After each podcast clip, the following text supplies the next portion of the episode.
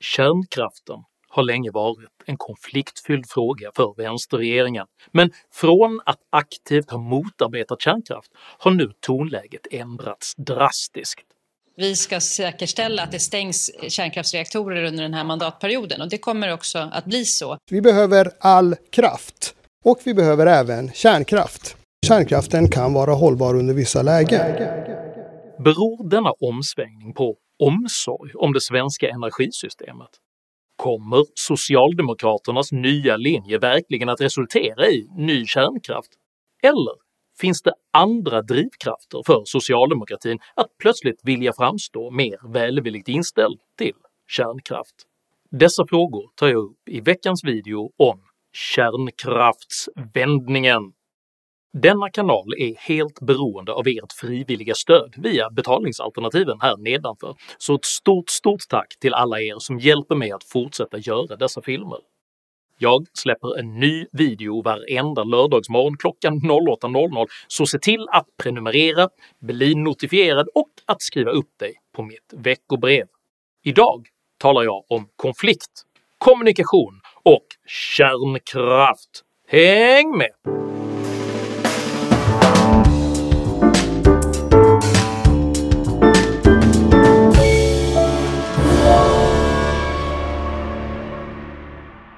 Det här är mina principer, och om du inte gillar dem så har jag andra. Med dessa tidlösa ord satiriserade den amerikanske vaudeville-komikern Groucho Marx sin samtidspolitiska opportunism. Tendensen att vända kappan efter vinden har i alla tider varit en generande framgångsrik politisk strategi, något som de svenska socialdemokraterna närmast har gjort till sitt signum. Först anklagar man alla med en avvikande åsikt för att vara oansvariga, okunniga eller direkt demokratifarliga. Och det blir inga ansökningar om något medlemskap så länge vi har en socialdemokratisk regering. För att i samma stund som opinionen svänger göra dessa åsikter till sina egna och framställa det som att man alltid har tyckt så då blir det ju effekten att, eh, att vi blir starkare tillsammans. Om vi väljer att eh, gå med i Nato. Även dagens ryckiga energipolitik speglar detta opportunistiska beteende, men med ödesdigra konsekvenser för hela rikets framtid.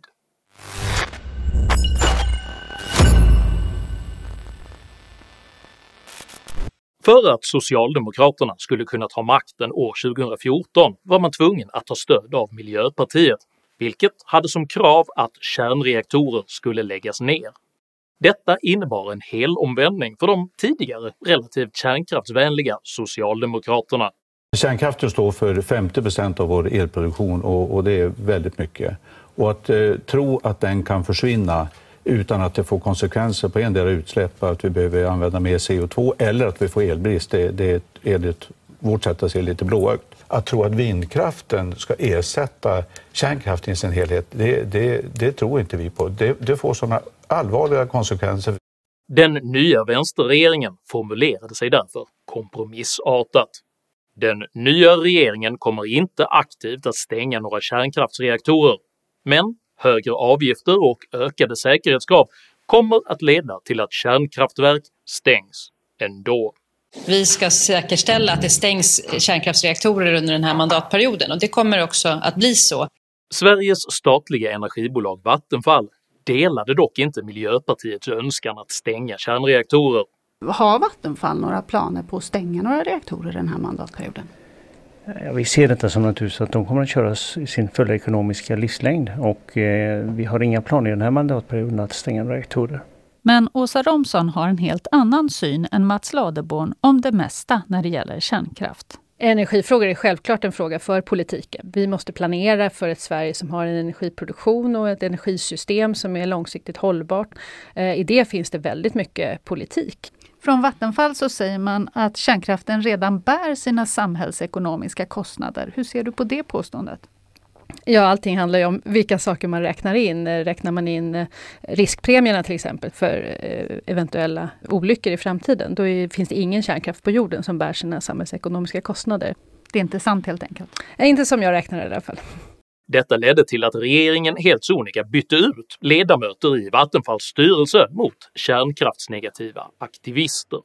Den nya regeringen med Socialdemokraterna och Miljöpartiet eh, bestämde att Vattenfall inte ska lägga massa pengar på ny kärnkraft utan de ska fokusera på att nå vårt mål om 100% förnybar energi. Som statligt bolag ska deras fokus vara att vara föregångare i omställningen. Men hur, hur har man gjort det liksom genom lagstiftning eller genom liksom sin styrelseplats i, mm, i Vattenfall? Genom eh, informell styrning mm. Eh, som det kallas. Vad innebär det? Alltså... Mm. Det betyder att man säger till sitt statliga bolag vad man mm. vill av dem. Mm. Eh, sen har ju också regeringen bytt ut två personer i Vattenfalls styrelse där Thomas Kåberger som jag vet har varit med här i podden. Ja, en av de nya.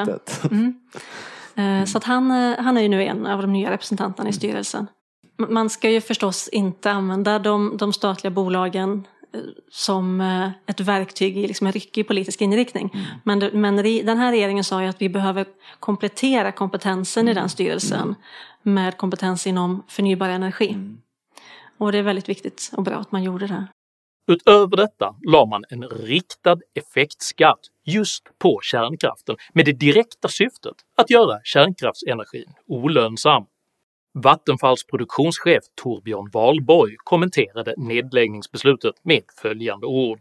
Ja, beslutet var Vattenfalls, men jag kan också konstatera att hade vi inte haft effektskatten som vi hade 2015 så hade vi inte tagit det beslutet. När energiminister Farmanbar konfronteras med detta konstaterar han kort att han har en annan bild av verkligheten. Det är inte den bilden jag har av, av detta, men den bilden som jag har fått och som jag tror också väldigt många är överens om, det är just att det är ett kommersiellt beslut baserat på att det inte fanns lönsamhet i att uppgradera.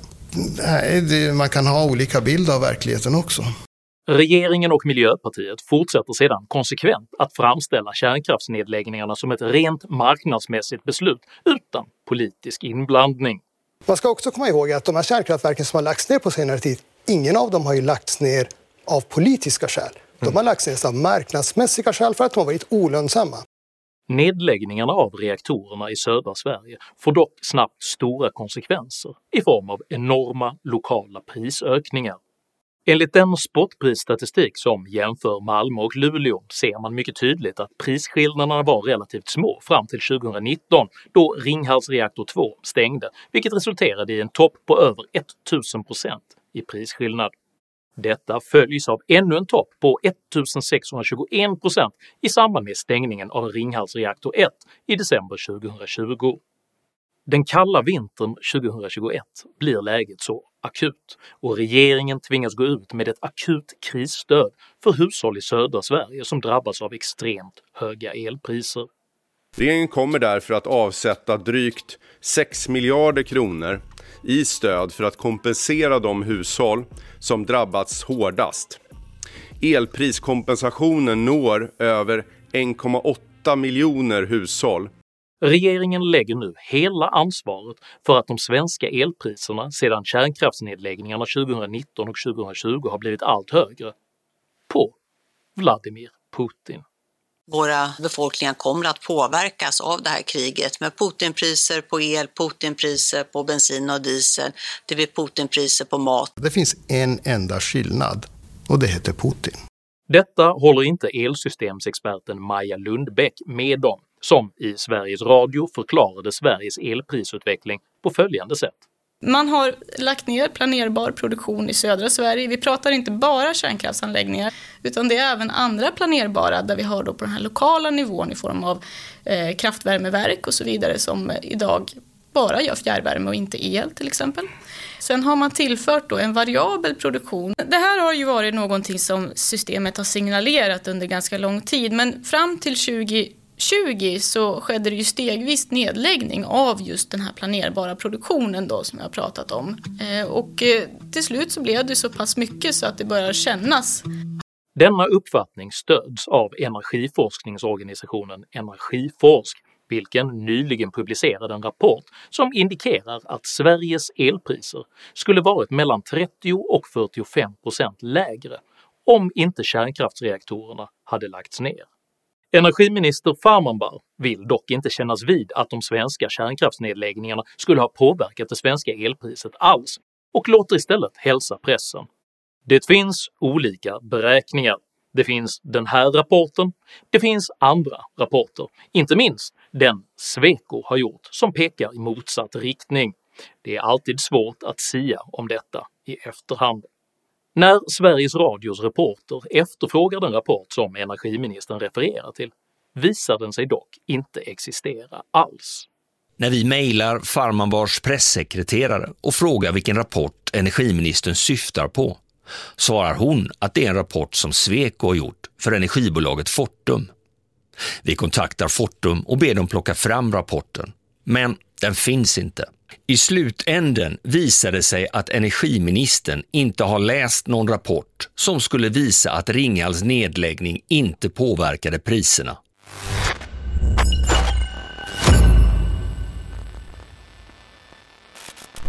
På en pressträff i förra veckan lanserade så Socialdemokraterna sitt nya kraftpaket i vilket kärnkraften plötsligt betonades igen. Vi behöver all kraft och vi behöver även kärnkraft. Kärnkraften kan vara hållbar under vissa lägen. Man får förmoda att kärnkraften i synnerhet kan anses vara hållbar om detta är vad som krävs för att upprätthålla ett socialdemokratiskt maktinnehav. Statsminister Magdalena Anderssons regering säger som det är och gör det som krävs. Energidebatten ska ju inte ideologiseras, den ska vara pragmatisk. Vi är pragmatiska. Och nog är regeringen pragmatisk, rörande sitt eget förhållande till regeringsmakten alltså, för det energipolitiska samtal man efterlyser förläggs nämligen efter riksdagsvalet så att eventuell kunskap om vad Socialdemokraterna faktiskt egentligen ämnar göra inte ska riskera att påverka valresultatet. Regeringen bjuder därför in till nya breda energipolitiska samtal efter valet. Energiministern fastslår i nästa sats att allt ifrågasättande av regeringens energipolitik egentligen är skadligt, polariserande och direkt oansvarigt. Här krävs det samarbete, inte politisk polemik. Valet står helt enkelt inte mellan förnybar energi som vindkraft eller kärnkraft. Den politiserade debatten som har uppstått i Sverige är skadlig för Sverige, för vårt näringsliv och i förlängningen också för våra hushåll. Detta faderligt mogna utspel om alla energikällors betydelse kommer alltså från samma minister som för bara några veckor sedan hånade föreställningen om småskaliga reaktorer som “gulliga små kärnkraftverk” Vem vill ha en gullig liten kärnreaktor runt hörnet när man inte ens vill ha en vindkraftverk? Du säger gullig. Ja. ja, jag säger det för att, eh, för att det är lite grann den bilden som målas upp, att det skulle vara en helt ofarlig gullig liten reaktor. Energiministern beskriver dessutom återkommande kärnkraften som kommersiellt ointressant genom att hänvisa till brist på investeringskapital vilket i och för sig är en direkt konsekvens av att kärnkraftens långsiktiga lönsamhet blir alltför osäker i en politisk miljö där investeringarna ständigt hotas av Miljöpartiet. Dessutom har det saknats intresserade aktörer som vill investera. För att förevisa sin nyvunna kärlek till kärnkraften tillkännager ändå energiministern ambitionen att ta fram nya föreskrifter för framtida reaktorteknik.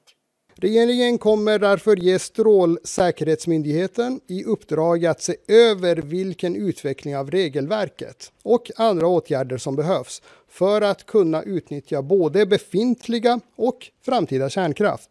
Uppdraget kommer att omfatta att ta fram nya föreskrifter för ny reaktorteknik såsom eh, små modulära reaktorer bland annat. När Vattenfall, som en direkt reaktion på detta beslut, omedelbart aviserar sig redo att utreda ny kärnkraft väljer energiministern ändå att upprepa regeringens investeringshämmande mantra rörande målet om 100% förnyelsebar energi till 2040. Omedelbart efter detta visar sig energiministern även vara ovillig att genomföra de regeländringar som Vattenfall identifierat som nödvändiga för att möjliggöra driften av små modulära reaktorer i Sverige. Och detta är pudelns kärna. För syftet med regeringens kraftpaket är inte att stabilisera energisystemet, utan att neutralisera frågan om kärnkraften inför valet. Det är detta energiministern försöker göra genom att förpacka kärnkraften som en icke-fråga, vilken socialdemokratin står högt, högt över och vilken man redan bjudit in de andra partierna för att vara med och lösa om oppositionen bara visar sig mogen nog. Det vi öppnar upp idag, det är möjligheten till att föra ett samtal, förutsatt att partierna som vill föra samtal också är beredda att stå vid sina ord. Vi har tyvärr sett senaste tiden hur partier som har ingått överenskommelser har lämnat allt ifrån decemberöverenskommelse, januariavtal till energiöverenskommelsen som vi har.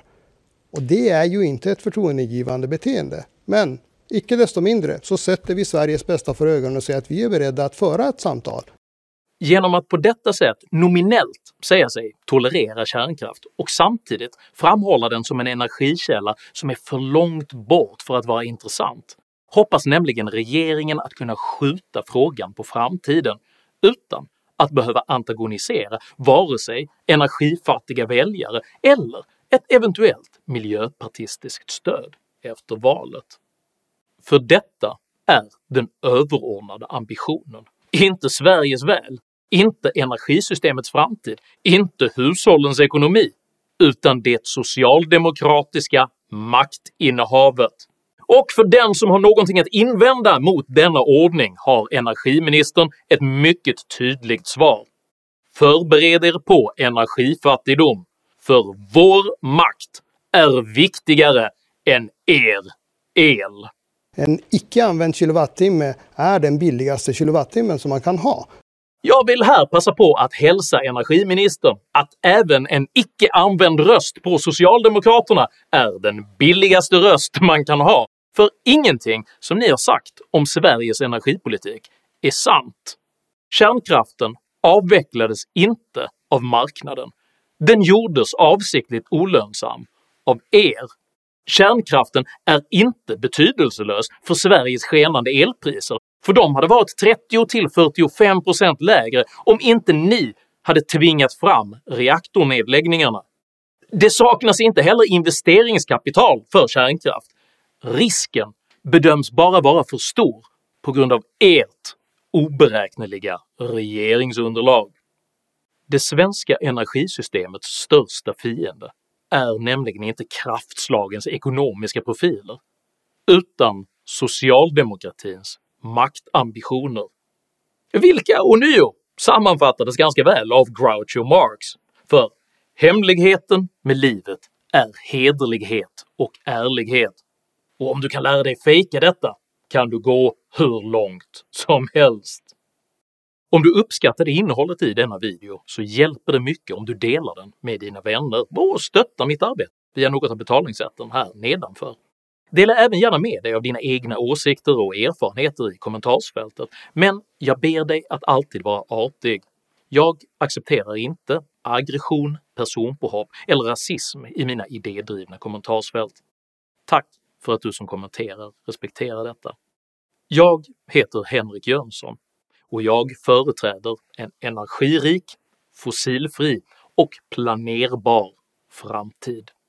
Tack för mig och tack för att du har lyssnat.